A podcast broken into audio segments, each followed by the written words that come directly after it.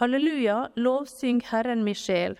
Jeg vil lovsynge Herren hele mitt liv, synge og spille for Gud så lenge jeg er til. Stol ikke på fyrster, mennesker som ikke kan hjelpe. De ander ut og blir til jord att, den dagen fell planene i grus.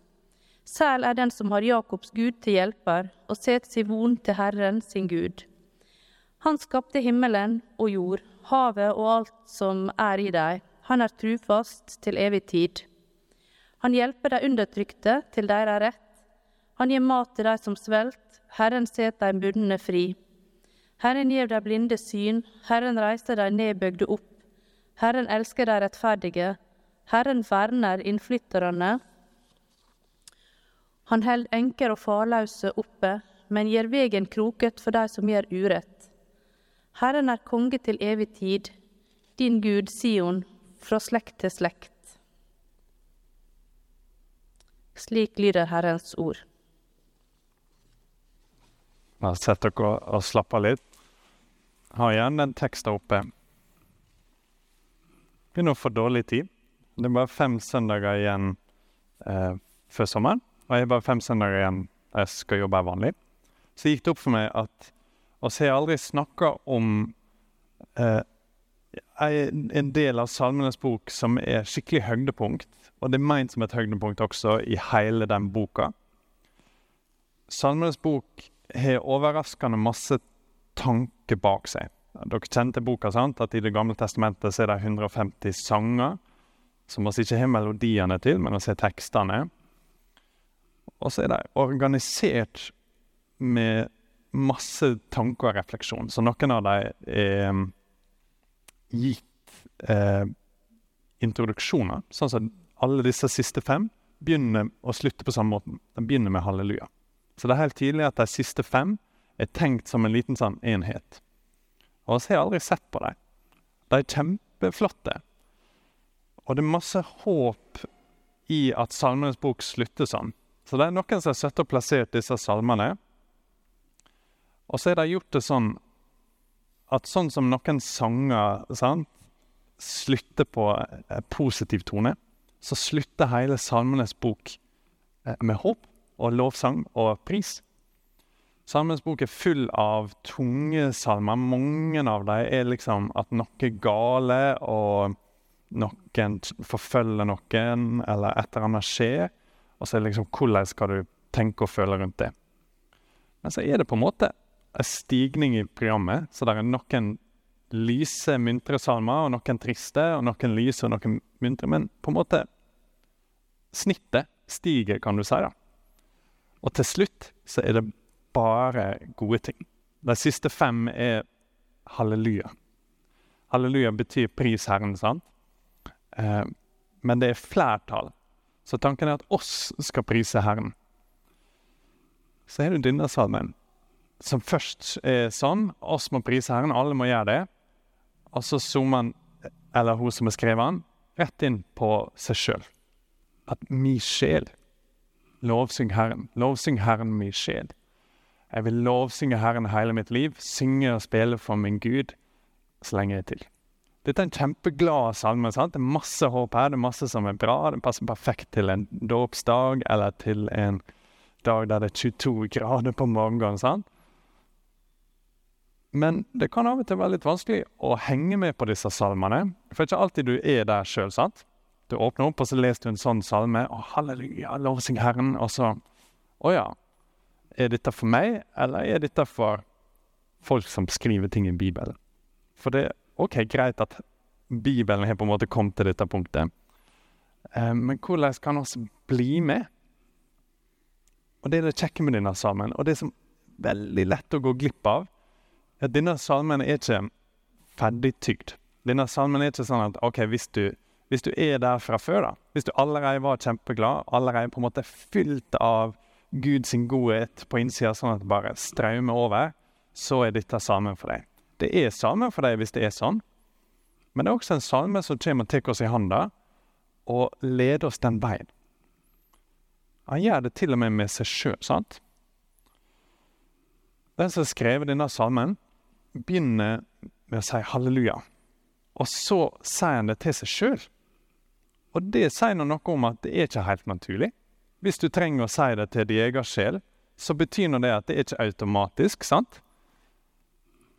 Så han snakker til seg sjøl og sier 'Lovsyng Herren min sjel'. Det er på en måte sånn Kom igjen, da. Jeg har lyst til å lovsynge Herren hele mitt liv. Jeg vil på en måte at det skal være sånn. Så er denne salmen at han jobber det fram.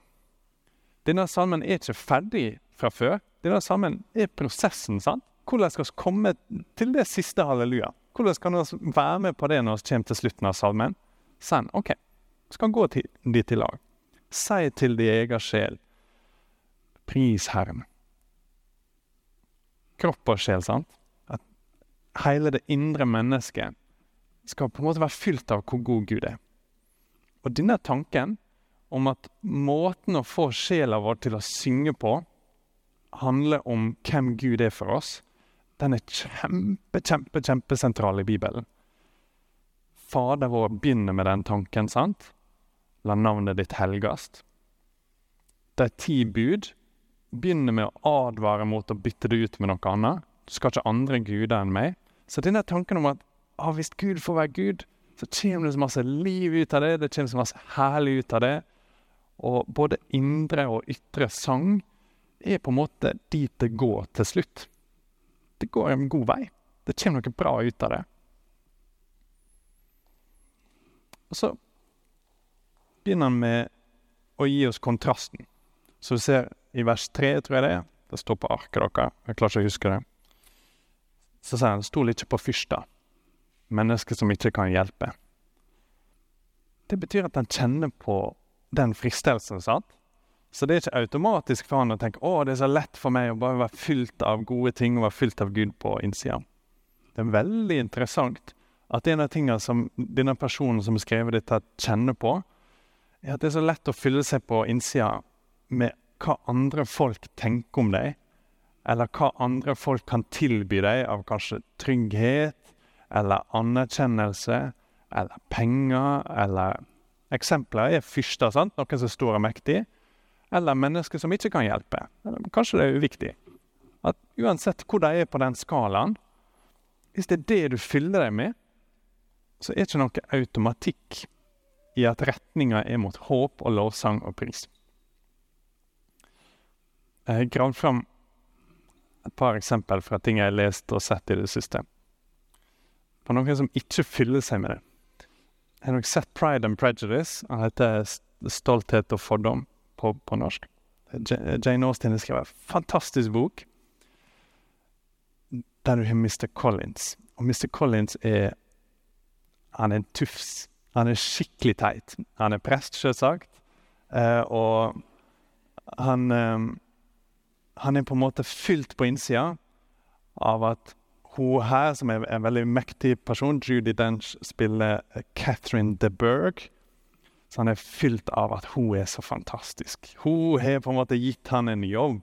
Og er du klar over hvor masse det koster huset hennes, og hva hun er pussa opp for?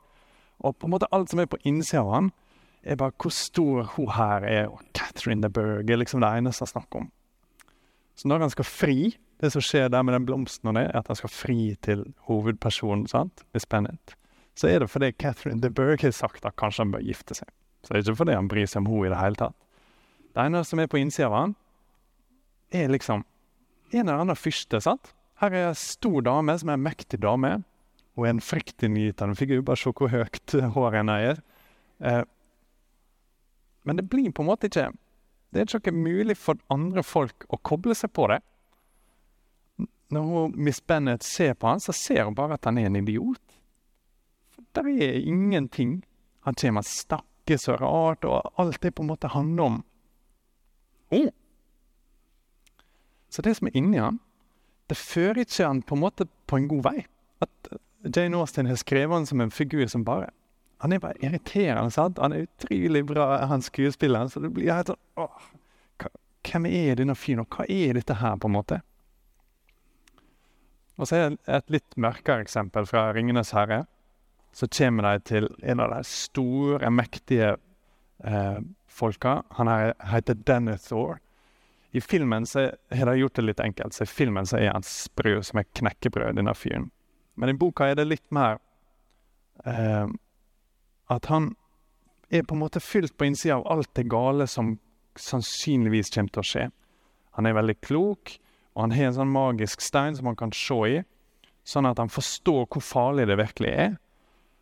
Og han bare råtner på innsida, for han ser at Oi, se hvor mektig fienden er, og se hvor håpløst det er på en måte dette prosjektet som Gandalf har satt i gang, hvis du kjenner til Ringenes herre. Jeg skal ikke forklare Ringenes herre til dere. Men poenget er at denne mannen på innsida så er han fylt av fortvilelse. Og til slutt så knekker han. Til slutt så brister forstanden hans, og han blir helt sprø. Så det er på en måte Han er ikke fylt med noe godt, sant? det som er inni han, det tar ikke han på en retning som til slutt kommer til å ende med lovsang, og at ting er bra, og et smil. Han er på vei nedover inn i fortvilelse, og til slutt så går det galt for ham. Dette er på en måte eksempler som han plukker opp sjøl i salmen. sant? Han minner seg sjøl på sånne ting. Han sier 'stol ikke på fyrster, mennesker som ikke kan hjelpe'. At ok, det er ikke automatisk at hvis du fyller deg med mektige folk, eller hvis du sjøl er veldig sånn klok og vis, og sånn, så er det en automatikk eller et håp om at ah, retninga er god. Og det gjelder oss med. sant? Hva er det vi skal fylle hjertet vårt med som gjør at vi kan ha håp om at det en dag skal gløde?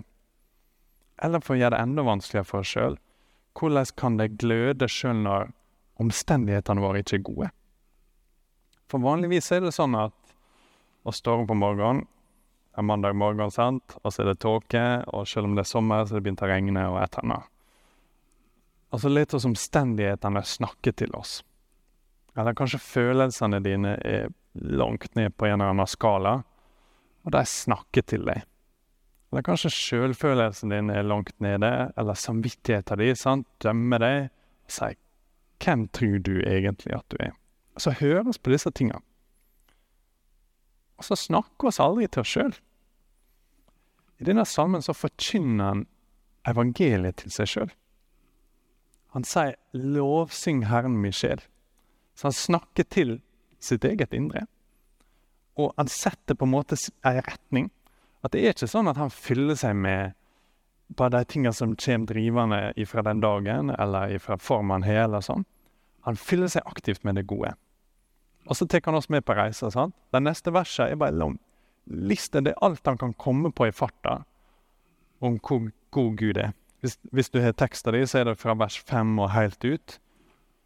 Så er det 'Sel er den som er Jakobs Gud til hjelper, og setter seg vond til Herren sin Gud'. Han skapte himmel og jord. Havet og alt som er i dem. Han er trufast til evig tid.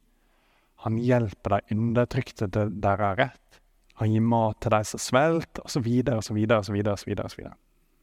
Han minner seg sjøl på hvem Gud er. Dette er ting som vi virkelig beundrer i folk. sant?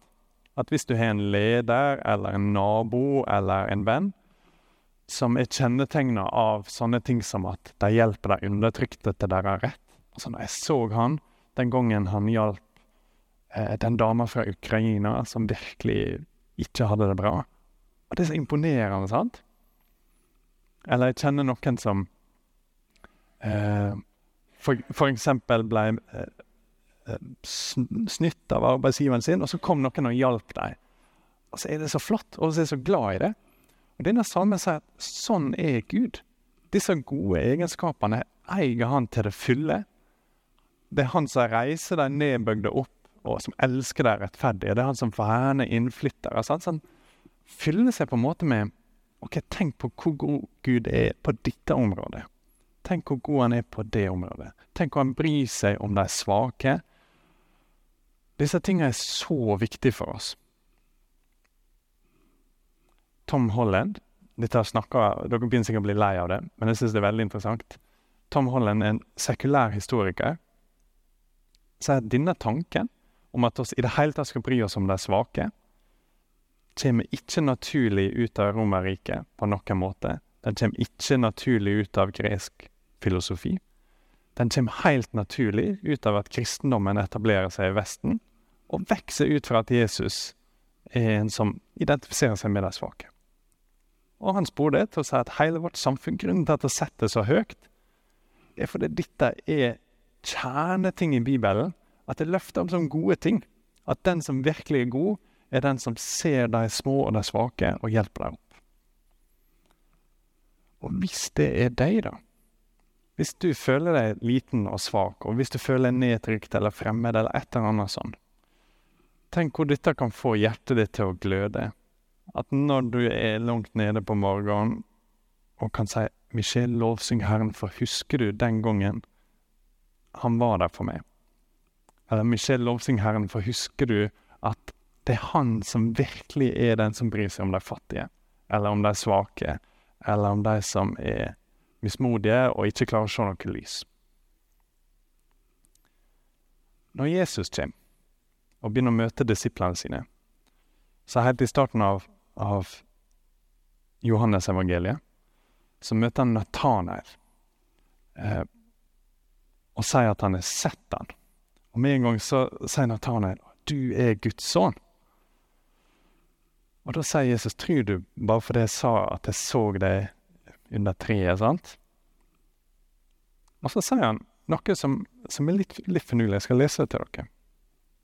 Han sier sannelig du skal se større ting enn dette. Du skal se engler gå opp og gå ned over menneskesonen. Jeg klarte ikke å finne det i farta, men det er cirka sånn. En av tingene han sier her, midt på det, så står det 'selv er den som har Jakobs Gud til, til hjelper'. Jakob opplever dette. Jakob er en figur sant, i starten av Det gamle testamentet som er en luring, og det skjer ganske masse vanskelig for han. Men når han er på sitt verste, kanskje, når han er flykta og er ute i ødemarka alene, så legger han seg ned og har til og med bare en stein som pute. Og så har han et syn. At han ser en stig opp til himmelen. 'Stairway to heaven', sant? Eh, der engler kommer ned og går opp. Og så forstår han på en måte Oi, jeg har møtt Gud sjøl. Når ting var virkelig vanskelig, når det så så mørkt ut, så kom Gud og møtte han. Når Nathanael møter Jesus, så sier Jesus Sannelig jeg sier det, du skal se engler stige ned og stige opp over menneskesånd. Så med vilje, og som jøde så har Nathaniel catcha dette med en gang, så sier han jeg er Jakob sin Gud. Nå har du kommet til den plassen der vi møter Gud. Nå har du møtt den personen der engler stiger ned og stiger opp. Nå har du funnet det. I Det gamle testamentet så kan de si Michel lov Herren, for de har sett masse av hans godhet. Oss som lever etter Det nye testamentet, oss har så masse mer å fylle dette med. Når oss tenker på hvordan Gud bryr seg om de svake, så er det så konkrete eksempel i hvem Jesus er. Og vi har så tydelig grunn til å være glad og til å ha håp. Og Jeg las, las denne uka om, om ei nesten helt ukjent dame i, som levde i Amerika for lenge siden, og levde på 1700-tallet. Og i 1739 så hadde hun en så stor opplevelse av Guds godhet. Disse tingene greip henne han. at hun satt med følelsen av at om de tingene som jeg frykter mest, skjer For var, de, de tingene hun frykta mest, var at huset skulle brenne og hun og de 18 ungene skulle sitte igjen med ingenting. Eller at mannen skulle begynne å hate henne. For hun elsker mannen sin, og de hadde et helt spesielt nært forhold hos Sarah Edwards, som hun heter, og han Jonathan. Men etter at hun hadde denne opplevelsen, etter at hun hadde et par uker der hun var helt overveldet av Guds godhet, så satt hun med følelsen etterpå at om disse tingene skjer, si at huset mitt brenner, da, og si at mannen min begynner å virkelig hate meg, så vil det likevel gå fint. Satt med følelsen av at til slutt så er det et håp der framme. Det er ikke sikkert kurva er jevnt stigende i dette livet. Det kan hende kurva går sånn, og så er det håp. Men slutten er god. Slutten er god i Salmenes bok. Slutten er god i Bibelen, og slutten er god i vårt liv. Når vi går inn i dette og sier 'lovsyng Herren min sjel'. For dette er det trua sier, sant? Trua elsker Gud. Trua vår sier at Gud er god, og det er det som fører oss til det virkelig gode der framme. Når jeg tar tida mi og vel det, så, så tar jeg og ber litt. Gode Gud, oss priser deg, og oss har lyst til å prise deg. Og hvis det er sånn for oss i dag at det er fjernt å si 'lovsyng Herren min sjel', eh, så ber oss likevel om at sjela vår skal høre det, og at denne lovsangen kan våkne. Og hvis det ikke er fjernt for oss, så takk oss deg og prise deg, Gud, for du er skikkelig god, og din nåde varer i all evighet. Amen.